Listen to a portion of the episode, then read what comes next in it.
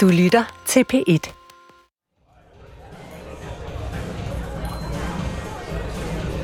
Klokken er omkring midnat den 21. juli 1984. En stærk ung mand i cowboyvest med MC Uljyderne broderet på ryggen træder ud af døren fra det lokale diskotek Bowlerhatten i Vorbøre. Indenfor er der gang i festen. Det længe ventede Electric Boogie Show er i fuld gang, og manden skal bare lige ud for at have lidt frisk luft.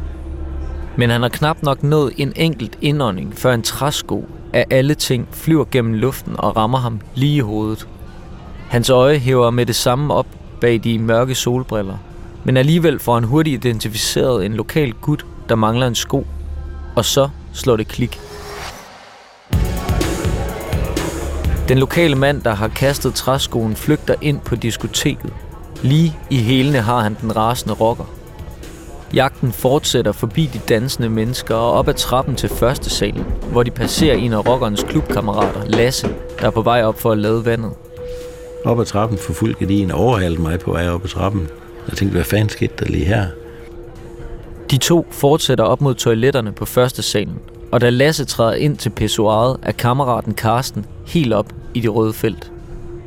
Der, der lagde ham der fiskeren i piskummen nede ved ozonkugleren, og, og så fik jeg fat i Karsten og sat mig galt på ham. Lasse får dæmpet Karsten en smule, og den lokale fisker vrister sig fri. Og så da han slipper ham, fiskeren, så hopper han ud af vinduet. Ud af vinduet flyver den lokale fisker og forsvinder i mørket. Og så bryder helvede løs. For det her er kun startskuddet til det masseslagsmål, der kommer til at udspille sig over de næste timer.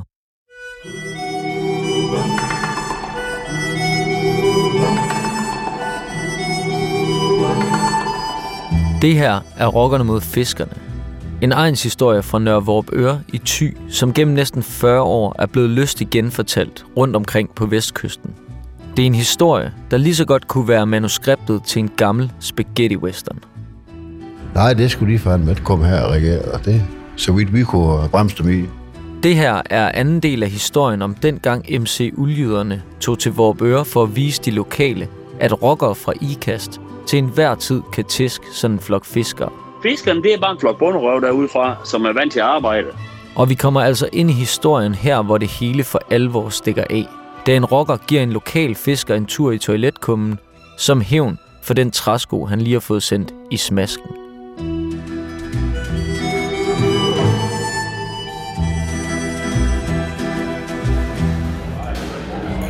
Det er omkring midnat, og bowlerhattens vagter kan se, at optrinet på toilettet mellem en af de lokale og rockeren har sat diskoteket i k. Ingen ved præcist, hvad der sker, men der er udbrudt slåskamp. Vagterne tager med det samme bowlerhattens kaldesystem i brug og overdrager beskeden til diskoteksejer Carsten Olandersen. De, de slår sig, de slår sig. Vi, vi skal lige have noget hjælp herovre. Vores øh, dørmænd gør opmærksom på, at, øh, at øh, nu skal de lige bruge en mand op ovenpå, fordi at, der er altså noget ballade. Folk står tæt på diskoteket, og lige så snart der er tumult mellem et par stykker, så bliver andre hurtigt involveret. Enten frivilligt eller ufrivilligt, fordi de simpelthen står i vejen. Så han sender med det samme nogle folk ovenpå for at få styr på sagerne. Men nedenunder er det kommet rockerne for øre, at deres kammerat er blevet ramt i hovedet af en træsko, og at det har sat gang i noget på første etagen. Og så begynder balladen at brede sig på diskoteket. Det sker faktisk så hurtigt, at, at samtidig med, at vi sender folk derop, så begynder der at ske ballade ned under os, og så slås de ned under os. Ulyderne øjner muligheden for at sætte lidt skub i festen, og formanden Peter er selvfølgelig med. Der var sådan en lidt mærkelig stemning, fordi at vi stod derinde ved baren, du ved. øh, Så var der en tjeneren, der jeg tror, der var en, der skøjte en cigaret på armen af ham. Jeg kan ikke huske, hvem det var. Det kan være mig, jeg tror det var. Jeg kan ikke huske, hvem af os, der gjorde det. For at provokere dem lidt, du ved. Tjeneren trækker instinktivt armen til sig i smerte og vælter et par øl i manøvren. Og det her får de andre gæster på bowlerhatten til at reagere. Nogle begynder at konfrontere rockerne. Der bliver råbt og skubbet, og pludselig eskalerer det.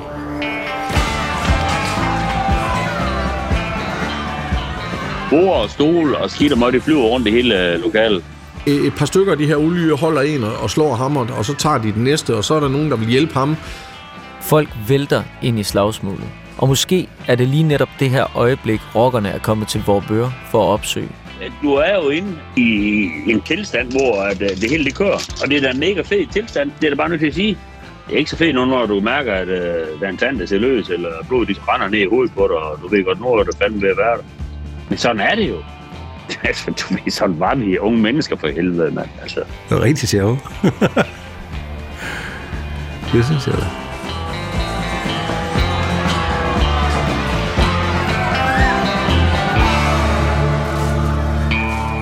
Da slagsmålet har stået på noget tid, kan Carsten og personalet på bowlerhatten godt se, at det her får de virkelig svært ved at stoppe. Og så er det jo på det tidspunkt der, at, at der er nogen, der ringer til ordensmagten og, og siger, øh, der er ballade på, øh, på bowlerhatten i vores bøger, og øh, der er mange mennesker, der slår sig.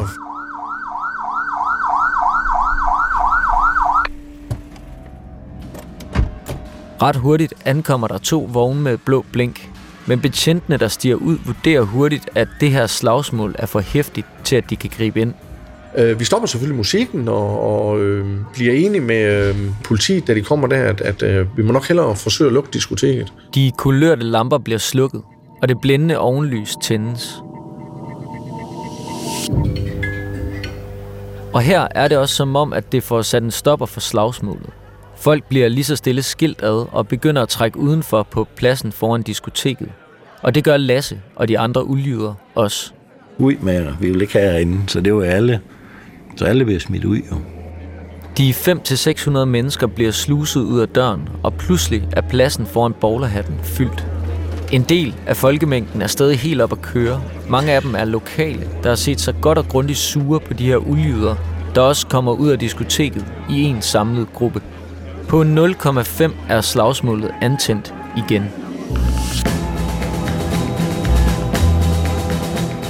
Vi var jo i mega undertal. De var jo sataneme mange. Vi var jo kun 10. Så vi dannede sådan en rundkreds, og med ryg mod ryg i en rundkreds, og så kom de jo løbende ind mod os og slog, og vi slog tilbage og sådan noget, du ved. Men de kunne ikke få fat i os. Når de fik fat i en af os, så fik vi andre ham hævnet op til os, så vi var sammen 10 i en klump der. Og lad os lige stoppe lidt op her. Vi skal nemlig have fat i to personer, som vi efterlod i seneste afsnit. Måske kan du huske det, men de to lokale fiskere, Benny Bak og Kalle, var på vej mod bowlerhatten omkring midnat, indtil de lige blev fristet af den lokale pølsevogn på vejen. Og mens de har stået der og spist sig moden til resten af aftens indtag af øl og spiritus, så er Electric Boogie-aften på bowlerhatten omdannet til en western scene. Stod vi der i fængpøl, så kommer nogen rendende derned. Benny, Kalle, I skal komme af op nu, der er rocket op, der slår sig. ja, nu skal jeg sgu lige have en her pølse. Og så øh, kom vi så op. Jamen, vi var jo øh, fandme i to minutter så ude i, i den vildt slåsen. Så vi, vi tog bare ham i læderjakke, og så sprang på ham. Og det. Kalle, han tog lige to i en gang. Han er øh, fandme så brølstat, og han kunne han tog bare lige ved to, så kunne han lukke dem op i stiv arm. Så stærk var han dengang. Ja, jeg slås dem med nogen udenfor op, og Benny jo også. Og, ja, der var en hulens spektakel, vil jeg sige. Det er som om, at de to fiskere får superkræfter, så snart de bliver provokeret. Benny mener, det er en evne, han har fået som dreng. Det, jeg tror, det er noget, der stammer fra min skoletid det der, for der fik jeg fandme som et tester. Og det er jeg følt mig uretfærdigt behandlet. Og det er sat i mig hele liv, ved jeg. Og det er så til mig selv, hvis jeg blev stor en gang, så var lære, at han er uretfærdig. Og hvis der er det, så får de ind nogle lampet, hvis jeg kan. Som du nok kan fornemme, så kan Benny godt tænde af. Og den her arighed, der er inde i Benny, ja, den virker også til at være til stede hos mange af de andre ude foran bowlerhatten. Så lige pludselig, så slås det hele lortet i et kæmpe slagsmål. Altså, du vil ikke vide det. Det ene ord tager det andet, og, og, og, og så eskalerer det som ringe i vandet, ikke? Altså, Det er jo kaotisk. Hvis du forestiller dig alt, der kommer i nærheden af dig, de vil slå dig, så hvis ikke, hvis ikke det skulle ske, så må du jo selv give dem nogen på hovedet. Jo. Og nogen ligger selvfølgelig og bløder og, og, og af min arm, og, og, og, og, og nogen skriger jo selvfølgelig, fordi at, øh, deres kærester har fået et, en ordentlig en på lampen, og pigerne står og skælder ud på, på de der orker der, og så er det jo lige pludselig øh, øh 200 mod 200 eller et eller andet, så, så er det jo en masse slagsmål. Og det var jo bælmørkt udenfor, så der var ikke nogen, der kunne se, hvem der var hvem, og hvem der slog hvem. Den ene, der fik en på hovedet, troede, det var en, der stod ved siden af, så fik han en, og det var ikke ham, så blev han sur og knaldet til en anden. Så lige pludselig så slåsede alle, der var udenfor, jo i en stor pærevælling. Det så ud ligesom en Trinity-film, ja. Det hele er ude af kontrol. Klokken er halv to om natten, og ingen folk i byen kan sove for larmen. Så den lokale købmand ringer til politiet, og han smører tykt på, da han kommer igennem. Han fortæller, at der er betjente, der er slået ned, at der bliver slåsset med knogjern, og at der bliver kastet med molotov-cocktails. Det er mere, end man er vant til på politistationen.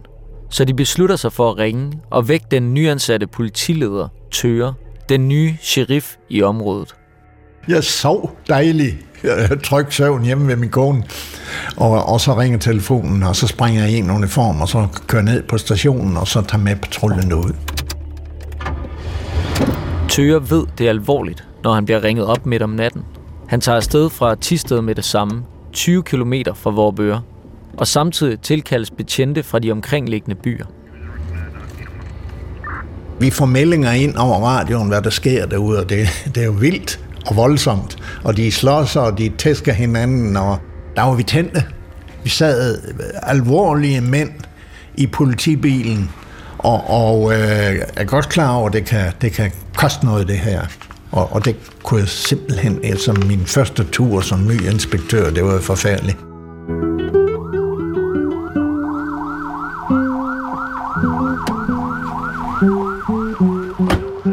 Og så kommer de jo øh, simpelthen fra nær og fjern 6-8 patruljevogne med hundepatruljer, og jeg ved ikke hvad.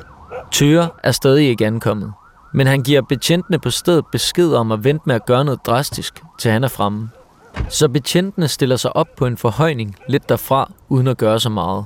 Og da diskoteksejer Karsten kommer op til dem for at få dem til at handle, ja, så er beskeden klar. Der er alt for mange mennesker i ballade her. Vi kan simpelthen ikke, øh, vi skulle bange for måske selv at få en på, på låget eller et eller andet. Jeg ved det ikke. Vi har altså besluttet os til, at det her det skal falde til ro af sig selv. Karsten er frustreret. Hans Electric Boogie-aften på bowlerhatten er fuldstændig ødelagt. Men måske er politiets taktik den rigtige. For nede på slagmarken begynder det så småt at tynde ud i mængden af slagsbrydere.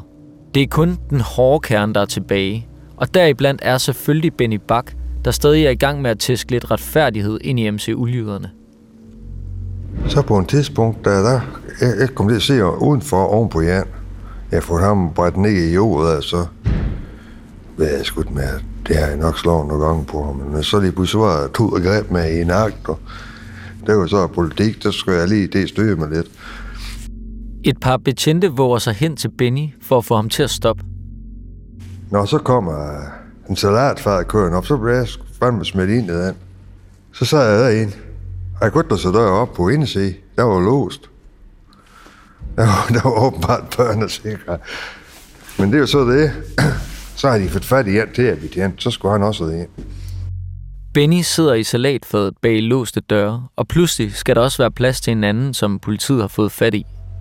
Og så, så regner han lige en få med, så står de ad ham. Så så jeg lige mit snit til at smutte ud af og så med at ud af bilen. De hvad fanden gør jeg nu? Så stak jeg jo ned i klitter.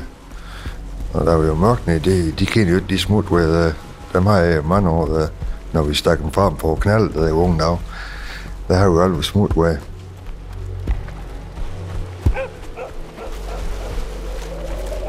Benny løber ud i de kuperede klitter med et hold af betjente efter sig, der er udstyret med lommelygter og hunde. Men her er Benny på hjemmebanen. Så inden betjente når at se sig omkring, er han forsvundet. Væk i mørket.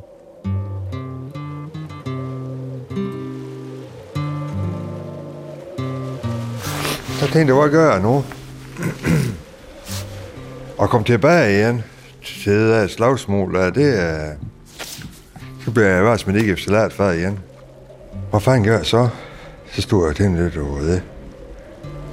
Og så øh, tænkte jeg, en der fandt mig min første auto, så slæber jeg fandme ikke af i motorcyklen. Det skulle jeg gøre.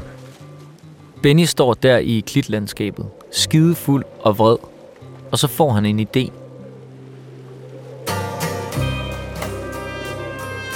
Han vil trække rockernes motorcykler, som står nypoleret på ræd række nede ved grillen ud i havet, og han vil gøre det med sin fars traktor. I mørket stikker han hjem til sine forældre, hvor farens Ford 5000 står. Nøglen sidder i, så han sætter sig op på den og starter motoren. Og så kører han afsted, ud af de helt små veje, så ingen opdager ham, og ned mod grillen, hvor de 10 motorcykler holder ved siden af den store, flotte amerikanerbil. Benny kigger sig om, og så tager han en hurtig beslutning. Der er ikke tid til at trække dem ud i vandet. Jamen, så, så jeg ved, skulle jeg bare have over i mål sammen. Simpelthen. De store, sorte og bredmønstrede traktordæk trumler baglæns hen over motorcyklerne, der knaser under Benny.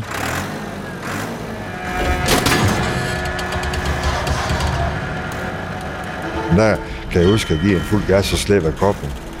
Og så kan jeg huske, den flyver en stykke, den der. Motorcyklen kurer hen ad vejen og slår gnister mod asfalten. Og på arealet foran grillen ligner det nu et regulært autoophug. Så kan jeg lige rundt om hjørnet der, så, så gemte jeg mit hoved sådan en gammel garage.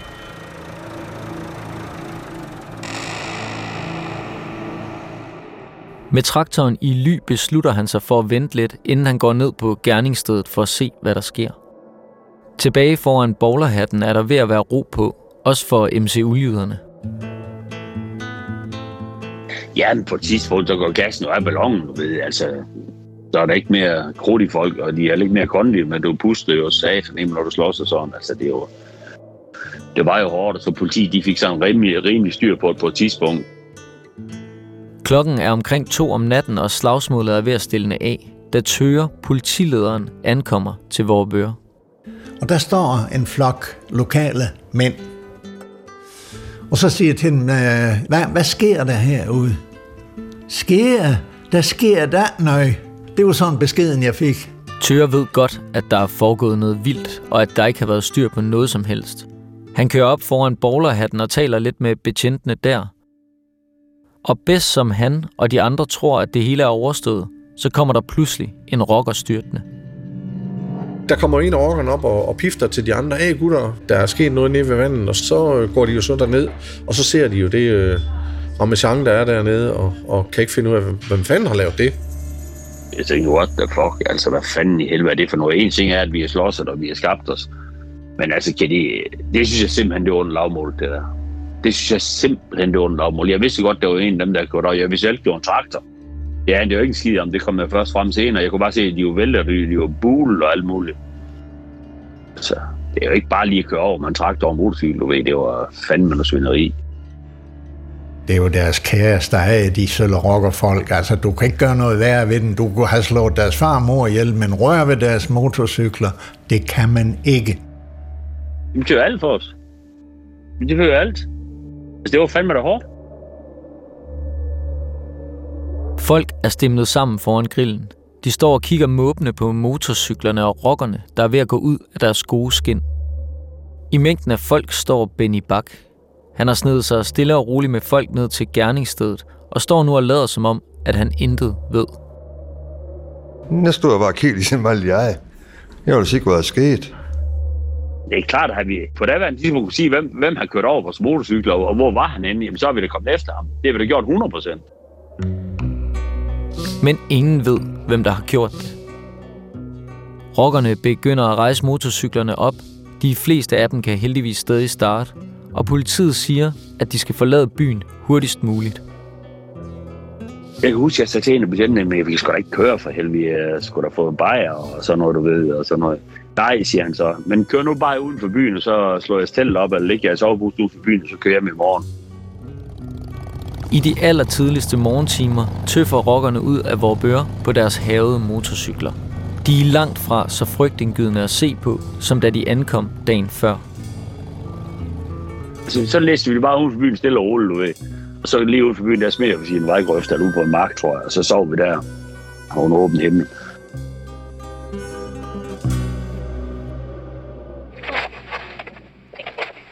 Efter det voldsomme slagsmål på diskotek Bowlerhatten i Nørre Vorupøre går rygterne i byen om, at motorcyklisterne fra IKAST vil vende tilbage næste lørdag for at tage hævn.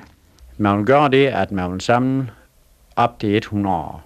Og hvis det var nødvendigt, vil man prøve at kontakte Københavnere for at få dem med. Og kommer der Københavnere med i, der ved vi jo godt, at så er det ikke langt fra, at vi også har skydevåben med i spillet. Formanden for motorcykelklubben Uljyderne i IKAST, Peter Sørensen, siger, at de ikke vil tage til Nørre på lørdag. Og der kommer heller ikke rockere fra København eller andre steder fra. Det tør jeg garantere, siger Peter Sørensen. Og Peter holder, hvad han lover.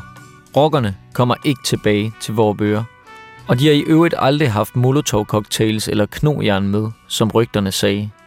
Men lidt uvandt for sådan nogle rockertyper, så presser de sig på hos politiet i den efterfølgende tid.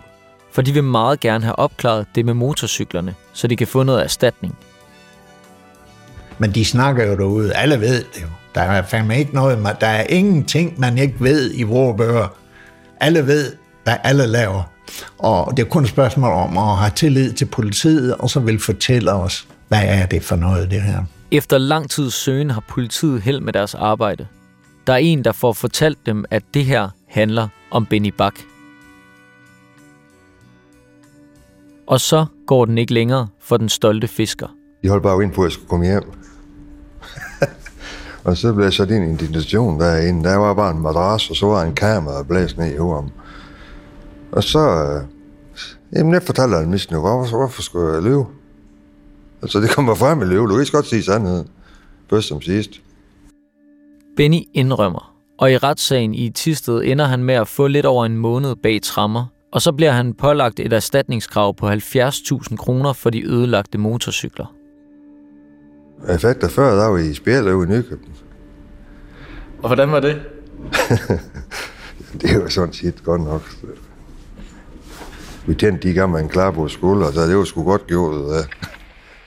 Hallo? I er sgu da god i topsen sidst, hva'?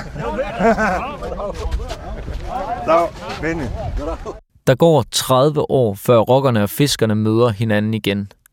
Det gør de i forbindelse med en udsendelse på TV MidtVest, arrangeret af journalisten Karl Erik Lørup. Foran grillen ved landingsbanen i Vorbøre bliver der drukket fiskefjes og grint af den gamle historie. Goddag. det var Benny. Tak for sidst. Ja, lige måde. Ja, lige måde. Det er lidt sjovt. Ja. Og nu, næsten 40 år efter episoden, er der ikke nogen, der bærer nag længere. Og det er helt klart også nogle mere afrundede mænd, jeg møder, end dem, der røg flæsket på hinanden i 1984. En blød i dag og en hård dengang. Jeg kunne slet forestille mig at slå på en i dag. Og hvorfor tror du, man gjorde det dengang, eller du gjorde det dengang? Det er det, vi flasker op i. Så foregik det dengang. Ja, sådan foregik det dengang. Og det gør det måske også i dag. For selvom Benny Bak også er blevet blød med årene, så bliver lidt af arven alligevel ført videre. Min far, han har aldrig sat det med. Slå først, Benny. Du skal ikke finde det, Prøv lige at sige sådan noget til de børn i dag. Du skal bare slå først. Tror du, det er sådan en god opdragelsesmetode generelt? Ja, det er så. Det kan jeg sige ja til. Men jeg ved jo godt, at pædagoger de siger nej. Men det er sådan, det er.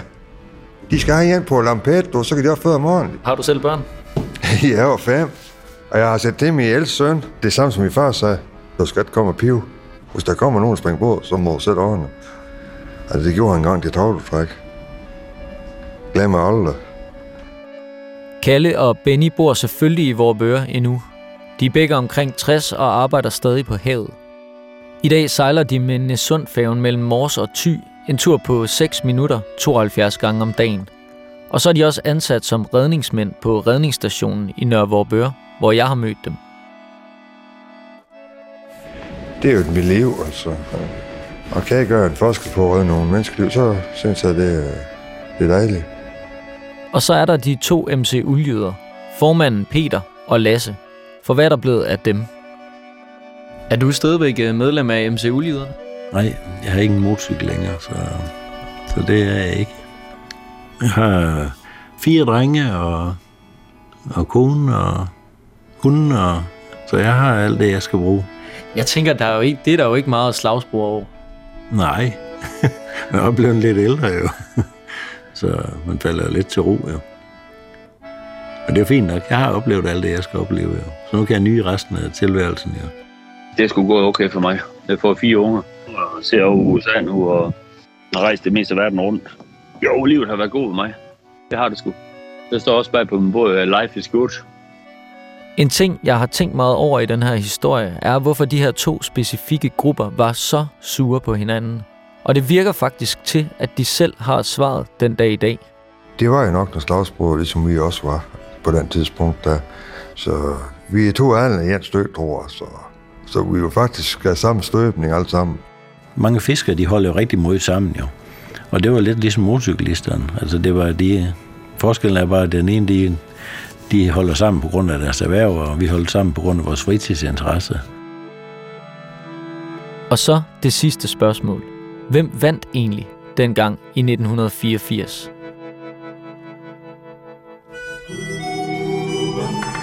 Det, øh, jeg mener klart det er også, for de kom ikke igen. Så vandt vi jo, synes jeg. Om man vandt eller tabte, det ved jeg ikke, men uh, de fik nogen på et, og vi fik nogen på, eller var nogen også, der fik nogen på et, og ja. Jamen, jeg synes ikke, der er nogen, der er vundet. Altså, prøv at høre. Benne, han fik nogen på ørerne. Og så blev han frustreret, så gik han hen hans fars traktor kørte over alle motorcykler. Har han vundet? Nej. Har vi vundet? Nej, det har vi sgu heller ikke. Der er ikke nogen vinder i den sag. Der er heller ikke nogen taber. Det var en gigantisk oplevelse. Når du snakker med dem deroppe i dag, de synes også, det var en, det var en sjov tid. Hvis de kunne lave det om og sige, at det skulle aldrig have været sket dengang, så ville de da sige nej. Det er helt overbevist om, de ville sige nej.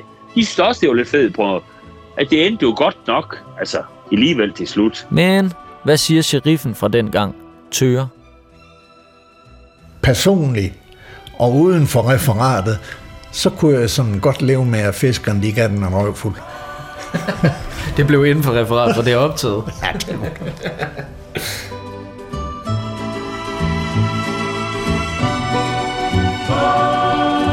Sådan slutter historien om rockerne og fiskerne. Lyddesign og mix er lavet af Nina Liv Benstrup. Redaktør på historien er Emil Rothstein. Og jeg hedder Nikolas Durup Thomsen.